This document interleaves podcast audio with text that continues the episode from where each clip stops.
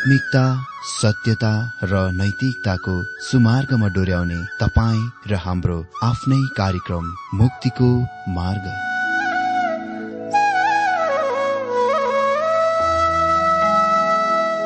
आदरणीय श्रोता यस मुक्तिको मार्ग कार्यक्रममा हार्दिक स्वागत छ। आशा छ यस आत्मिक कार्यक्रमद्वारा जीवनमा आत्मिक आशिष अलौकिक शान्ति र आनन्द प्राप्त गर्नुहुनेछ। र जीवनमा धन्य अनुभव गर्नुहुनेछ। आउनुहोस् श्रोता मन र आत्माको तयारीको लागि यो मिठो अनि मधुर भजन गीत सुनौ।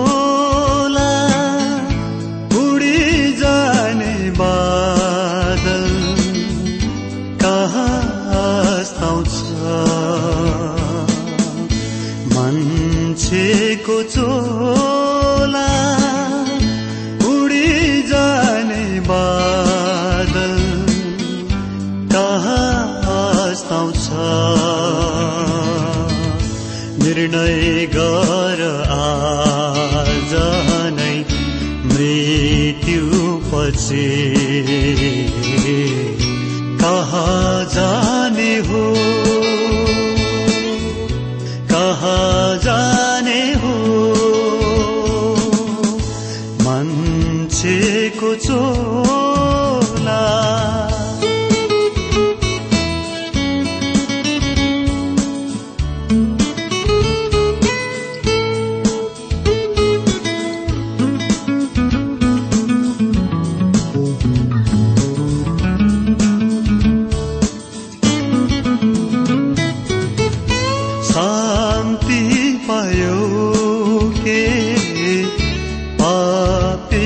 संसारमा मुक्ति पायो के?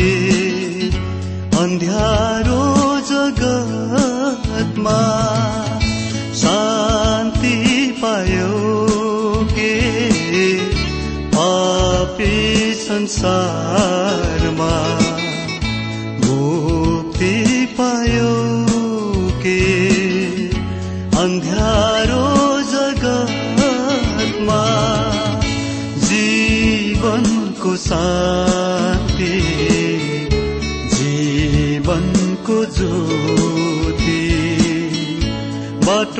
बाटो सत्य जीवन यीशु हुनुहुन्छ बाटो सत्य जीवन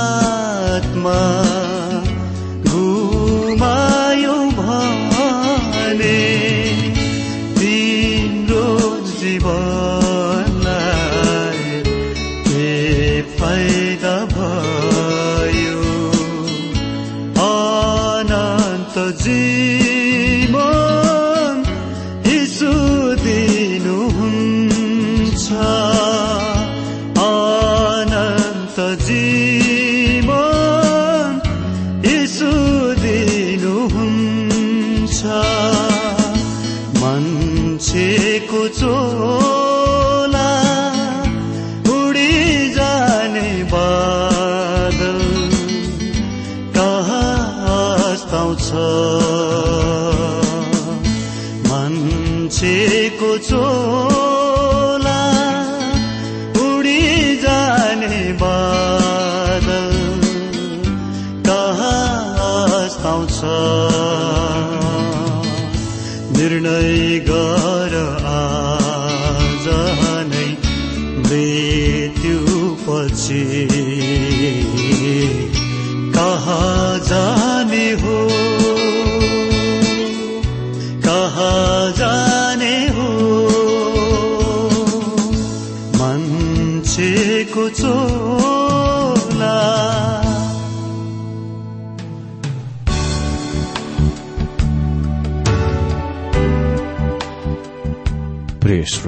यो प्रसारण मार्फत यो अवगत गराउन चाहन्छौ कि प्रभुको सेवाको लागि यहाँहरूको साझेदारी नित्यन्त आवश्यकता छ। यहाँहरूले प्रार्थनाको साथसाथै आर्थिक सहायता गर्न अनुरोध गर्दछौ।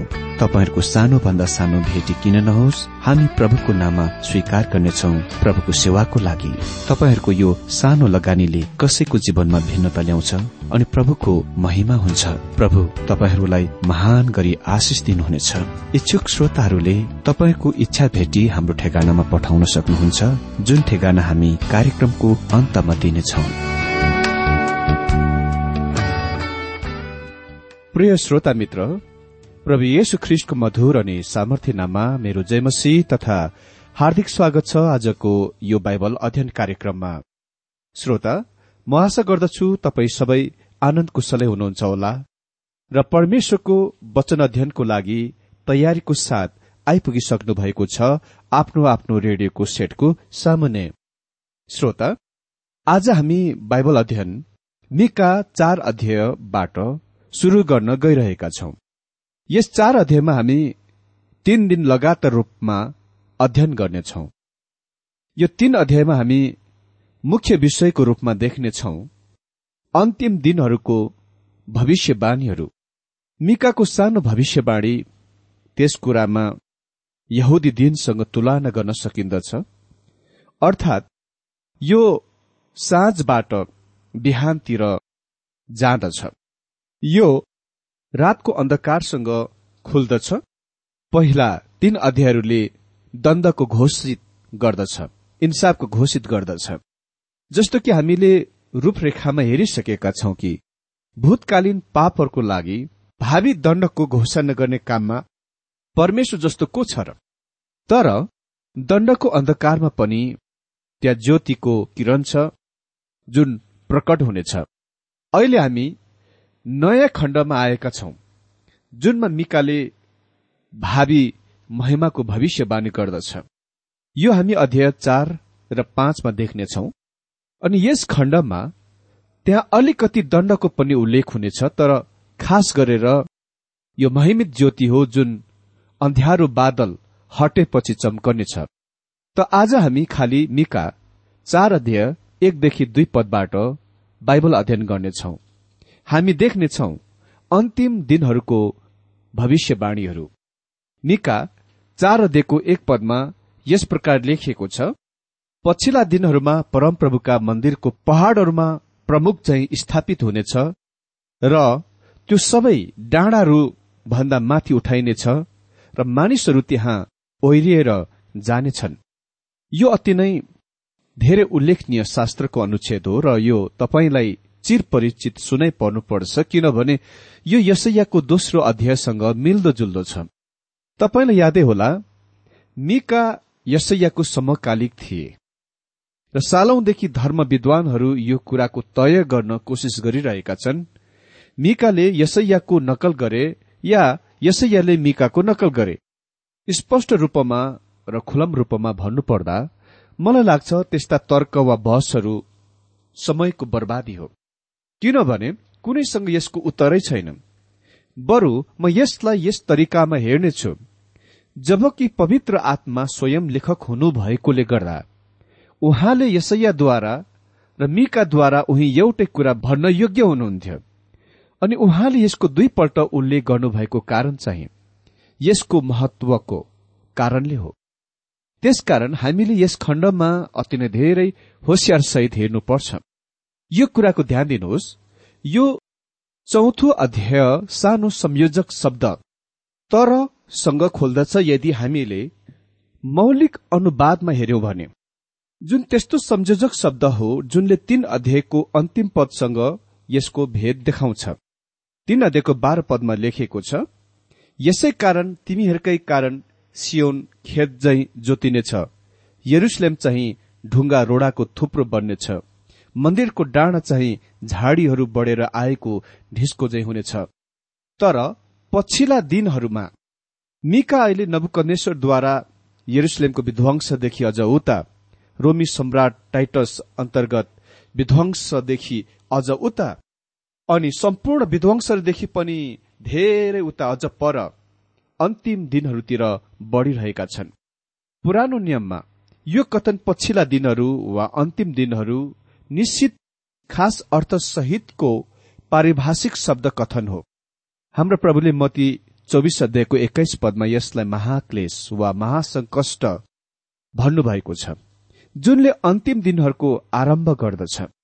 तब संकष्ट वा क्लेशपछि जुन छोटो सात वर्षको अवधि हुनेछ प्रभु येशु ख्रिस्ट पृथ्वीमा फर्किआउनुहुनेछ वास्तवमा भन्नु नै पर्दा उहाँको आगमनले संकष्ट वा क्लेश अवधिको अन्त गर्नेछ र उहाँ स्वयंले आफ्नो राज्य पृथ्वीमा स्थापित गर्नुहुनेछ।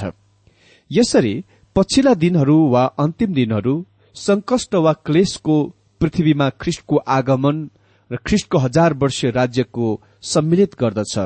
त्यसकारण जब मिकाले भन्छ पछिल्ला दिनहरूमा वा अन्तिम दिनहरूमा उनी तमाम स्थानीय परिस्थितिहरूबाट निस्किआएर अझ दूरीको भविष्यतिर हेरिरहेका छन् न्यालिरहेका छन्। जति धेरै इसरायलमा अन्धकारले छाएथ्यो अन्धकार बनेथ्यो अझ धेरै उज्जवल भविष्य देखा पर्यो प्रकट भयो। परम प्रभुको भवनको डाँडा चाहिँ पहाड़हरूको टुप्पोमा स्थापित गरिनेछ। पहाड़ वा डाँडा शब्द दुवै अक्षरस रूपमा र अलंकारिक रूपमा प्रयोग गरिएको छ शास्त्रमा। दानियल यसको अलंकारिक रूपमा प्रयोग गर्दछन् जब उसले भन्दछन् दानियल दुई अध्यय चौतिस र पैतिस पदमा हजुरले हेरिरहनुहुँदा पहराबाट एउटा ढुङ्गा फोरियो तर मानिसको हातले होइन। र त्यो आएर त्यस मूर्तिको फलाम र माटाका खुट्टामा लाग्यो र चकनाचुर पारिदियो। त्यसपछि त्यो फलाम माटो पितल चाँदी र सुन जम्मै चकनाचुर भए। र ग्रीष्म ऋतुमा खलाबाट भुस उडाए झै नौ निशानै नपाइने गरी बतासले उडाएर लगिहाले। तर त्यस मूर्तिमा लाग्ने त्यो ढुङ्गा बढ्दै बढ्दै एउटा ठूलो पहाड़ भएर सारा पृथ्वीलाई ढाक्यो। अ त्यस पत्थरले वा चट्टानले ख्रिस येसुको तस्विर दिन्छ जो आइरहनु भएको थियो। त्यो ढुङ्गा बढ्दै एउटा ठूलो पहाड़ भएर सारा पृथ्वीलाई ढाक्यो। दानियलले कुरा गरिरहेको पहाड़ चाहिँ ख्रिस्टको राज्य हो जुन यस पृथ्वीमा स्थापित हुनेछ। यो आत्मिक अर्थ खुलाइ हो।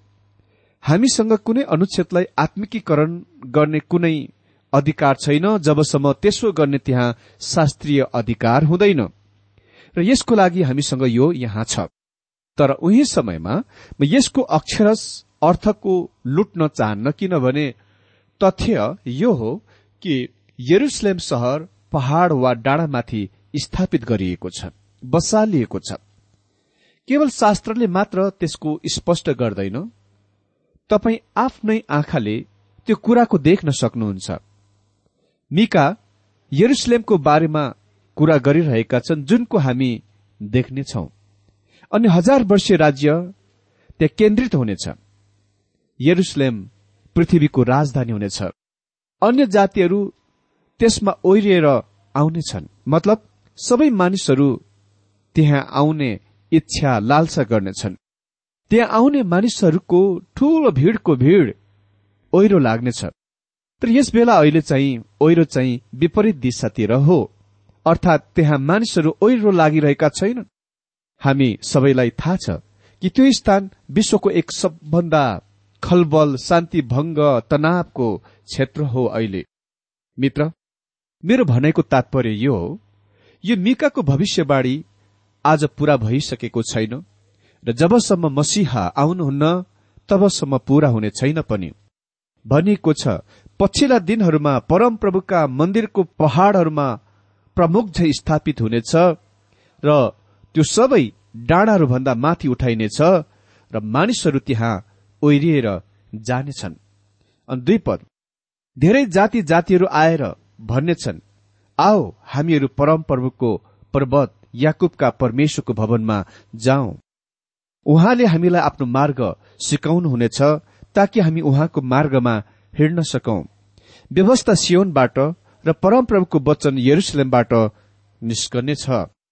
यहाँ अर्को पद छ जुन बाइबलका धेरै भविष्यवाणी पुस्तकहरूमा धेरै पदहरू बीच एक त्यस्तो पद हो जुनले स्पष्ट पार्दछ। इसरायलको मुलुकमा केही संख्यामा वर्तमान यहुदीहरूका वापस आउने कुरा भविष्यवाणीको परिपूर्णता होइन। हामी रहेको यो दिनमा संसारका मानिसहरू र जातिहरू परमप्रभुबाट सुन्न यरुसलेमतिर गइरहेका छैनन् न यरुसलेमबाट परमप्रभुको वचन बाहिर गइरहेकै छ। बरु त्यहाँ काम गरिरहने सेवा गरिरहने वा प्रचार गरिरहने प्रचारक मिसनेरीहरू यहुदीहरूले मिसनेरीहरूलाई त्यहाँका यहुदीहरूले सताइरहेका छन् खेदो गरिरहेका छन्। तिनीहरूले येशु र परमेश्वरको वचनलाई इन्कार गरिरहेका छन् अस्वीकार गरिरहेका छन् विरोध गरिरहेका छन्। मलाई विश्वास गर्नुहोस् परमेश्वरको वचन यरुसलेमबाट बाहिर गइरहेको छैन। मित्र आज त्यहाँ धेर त्यस्ता भविष्यवाणीका शिक्षक भनाउँदाहरू र विश्वासीहरू छन् जसले विचार गर्दछन् कि यो भविष्यवाणी त्यस मुलुकमा पूरा भइरहेको छ वा पूरा भइसकेको छ। मित्र म तिनीहरूलाई बच्चा बालक क्रिस्चियनहरू भन्दछु। कमसे कम भविष्यवाणीको शिक्षामा। यो भविष्यवाणीको अज्ञानता हो। अनि कोही कोही त हाम्रा प्रभुको दोस्रो आगमनको लागि मितिहरूको तारिकहरूको डेटहरूको सेटिङ गरिरहेका छन्। मित्र म तपाईँलाई भनौँ कसैले पनि उहाँको दोस्रो आगमनको निश्चित दिन तारिकको जान्दैनन्। यद्यपि म सोच्दछु कि हामी अन्ततिर नजिक बढ़िरहेको भए तापनि मसँग परमप्रभुबाट यसको पुष्टि गर्ने पक्का गर्ने कुनै आन्तरिक जानकारी छैन। अनि निश्चय नै उहाँको वचनमा उहाँको वचनमा यसको पुष्टि गर्ने केही कुरा छैन। म कामना गर्दछु काश बाइबलको भविष्यवाणीको यस प्रकारले सिकाउने र प्रचार गर्ने प्रचारकहरूले पूरा बाइबलभरि उल्लेखित सबै भविष्यवाणी राम्ररी अध्ययन गरे उक्तम हुने थियो। यदि तिनीहरूले त्यसो गरे यो तिनीहरूको निम्ति बिल्कुल स्पष्ट हुने थियो कि मिकाले यहाँ दिने जस्ता भविष्यवाणीहरू पूरा भइरहेका छैन वा पूरा भएको छैन। आज यरुसलेमबाट परमेश्वरको वचन बाहिर गइरहेको छैन।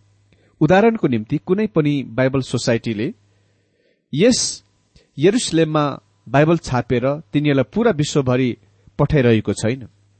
त्यस स्थानबाट नयाँ नियम बाइबलको प्रसारण गर्न बिल्कुल असम्भव छ। परमेश्वरको वचन यरुसलेमबाट बाहिर गइरहेको छैन जस्तो कि मिकाले हुनेछ भनेथे। भविष्यवाणी गरेथे। यो अध्यायमा अद्भुत भविष्यवाणीहरू हजार वर्षीय राज्यकाल अवधिमा ख्रिस्टको हजार वर्षीय राज्यकाल अवधिमा पूरा हुनेछ। जब ख्रिस्ट स्वयं यरुसलेममा शासन गरिरहनुहुनेछ। त्यसपछि संसारका महान विशाल राजधानीहरूका शासकहरू र सम्पूर्ण मानिसहरू ख्रिस्टद्वारा उहाँका मार्गहरू सिकाइनलाई जानेछन्। ओ मित्र त्यो महान दिन हुनेछ। अनि तीन पदमा लेखिएको छ उहाँले धेरै मानिसहरूका बीचमा इन्साफ गर्नुहुनेछ र टाढा टाढाका बलिया जातिहरूका निम्ति झगडाको फैसला गर्नुहुनेछ। तिनीहरूले आफ्ना तरवारहरू पिटेर हलोको फाली र भालाहरू पिटेर छिमल्ने हँसिया बनाउनेछन्। जाति जातिहरूले एक अर्काको विरूद्धमा तरवार चलाउने छैनन्। न त तिनीहरूले फेरि कहिले लडाई गर्न तालिम नै लिनेछन्। उहाँले धेरै जाति जातिहरूका बीचमा न्याय इन्साफ गर्नुहुनेछ। हजुर यो फेरि प्रभु येशु ख्रिष्ट मसिहा हुनुहुन्छ। जब उहाँ पृथ्वीमा शासन गर्न दोस्रो पल्ट आउनुहुन्छ। यो कुराको कल्पना गर्नुहोस्। विश्वको राष्ट्रहरूले आफ्ना विवादहरू निर्णयको फैसलाको लागि उहाँतिर आउनेछन्। यो पदमा उल्लेखित कुराहरू जबसम्म उहाँ आउनुहुन्न तबसम्म पूरा हुन सक्दैन। असम्भव छ। भनिएको छ तिनीहरूले आफ्नो तरवार पिटेर हलोको फाली र भालाहरू चाहिँ हँस्य बनाउनेछन्। यो पद संयुक्त राष्ट्र संघको निर्माण स्थापना र त्यसको निम्ति नीति र लक्ष्य जस्तो प्रकट हुन्छ। मलाई विश्वास गर्नुहोस् यो त्यससँग सम्बन्धित छैन। यदि ती मानिसहरूले आफ्ना तरवारहरू पिटेर फालीहरू बनाएका छन् यसको मतलब खालि यो मात्र हो तिनीहरूसँग अझ ठूलो सामान हतियार छ। एक आपसमा शिरमा हिर्काउने। यदि तिनीहरूले आफ्ना भालाहरू हँसियाहरूमा परिवर्तन गरिरहेका छन् भने तिनीहरूले ती हँसियाहरूको घाँस पात काट्न प्रयोग गरिरहेका छैनन् बरु अरू राष्ट्रलाई काट्न र खोज्न प्रयोग गरिरहेका छन्। विशेष गरेर तिनीहरूलाई जुन तिनीहरूभन्दा कमजोर र निर्बल छन्। मित्र जबसम्म प्रभु येशु ख्रिष्ट यो संसारमा आउनुहुन्न यो कदापि पूरा भएको छैन। यो पद निश्चय नै संयुक्त राष्ट्रहरूद्वारा पूरा भएको छैन। तिनीहरूले त्यहाँ एक आपसलाई ठेलामठेल घचाइरहेका छन्। त्यहाँ वास्तवमा अति नै कम सर्वसहमत छ। यो तबसम्म पूरा हुने छैन जबसम्म ख्रिष्ट आउनुहुन्न। भनिएको छ जाति जातिहरूले एक अर्काको विरूद्धमा तरवार चलाउने छैनन्। न त तिनीहरूले फेरि कहिले लडाई गर्न सिक्नेछन्। निश्चय नै हामी यस स्थितिमा अहिलेसम्म आएका छैनौं।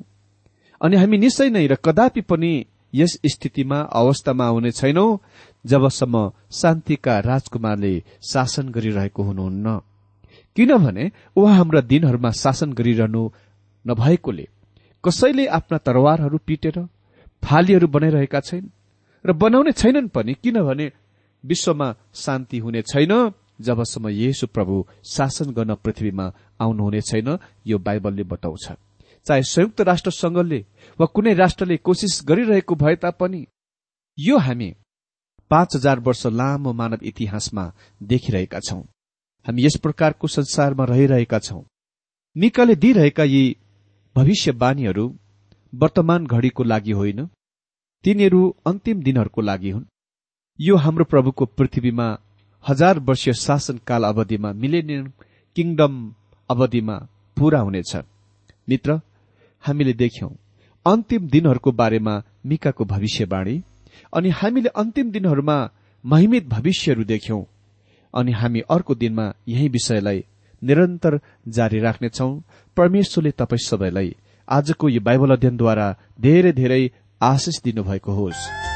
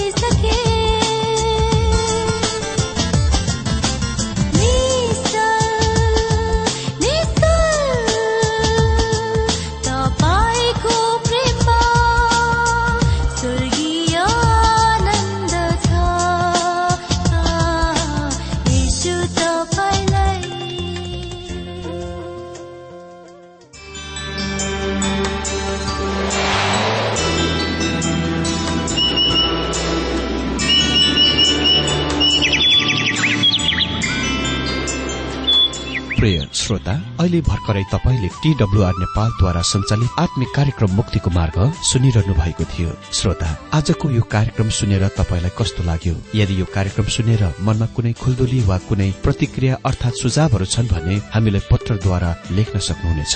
हामी हृदयदेखि नै स्वागत गर्नेछौ स्वीकार गर्नेछौ साथै बाइबल सम्बन्धित प्रचारहरू कार्यक्रम सारणीहरू हामी अनुरोधमा पठाउन सक्छौ। अनि तपाईँसँग कुनै प्रार्थनाको विषय छन् भने हामीले तपाईँको लागि प्रार्थना गरेको चाहनुहुन्छ भने प्रभुमा आफ्नै परिवार सम्झेर हामीलाई पत्रमा लेख्न सक्नुहुनेछ। तपाईँको लागि हामी प्रभु येशुसँग प्रार्थना गर्नेछौ। अधिक जानकारी र पत्रचारको लागि हाम्रो ठेगाना यस प्रकार छ।